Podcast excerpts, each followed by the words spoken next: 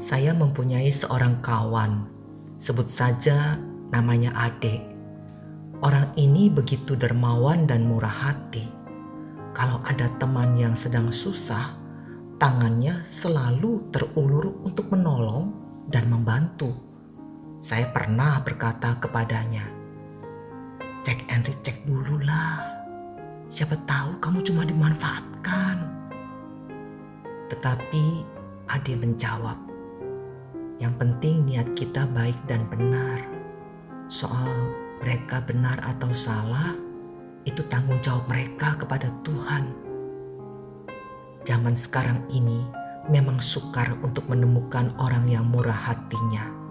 Rasanya sulit untuk menemukan orang yang berbuat baik tanpa mengharapkan imbalan.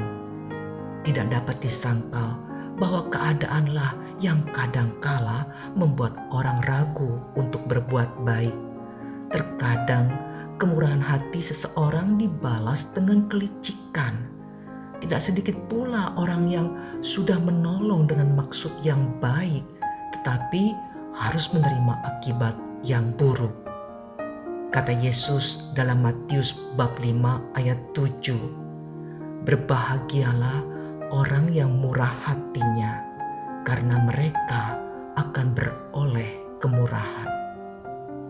Ade bercerita semua ini berawal dari ibunya, seorang ibu yang hidup sederhana hanya penjual makanan di pasar, tetapi memiliki hati yang mulia dan selalu membantu orang yang berkesusahan, walaupun ia sendiri hidup pas-pasan. Dari ibunya lah Ade mencontoh dan belajar tentang murah hati. Pernah suatu kali Ade terjatuh dalam usahanya dan hampir terpuruk. Tetapi ajaibnya dia selalu tidak sampai bangkrut sebab selalu ada pertolongan Tuhan yang datang tepat pada waktunya. Firman Tuhan dalam Mazmur bab 37 ayat 23 dan 24 mengatakan, Tuhan menetapkan langkah-langkah orang yang hidupnya berkenan kepadanya. Apabila ia jatuh, tidaklah sampai tergeletak, sebab Tuhan menopang tangannya.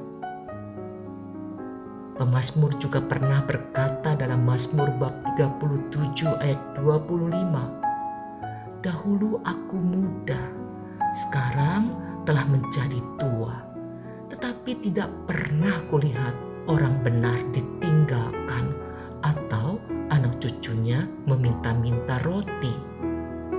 Saya menyaksikan tentang perbuatan murah hati dari kawan saya tersebut yang membuat saya juga mengikuti suri tauladannya. Terngiang perkataannya yang sangat bermakna Aku sudah menikmati tuayan yang baik karena benih ibuku yang murah hati.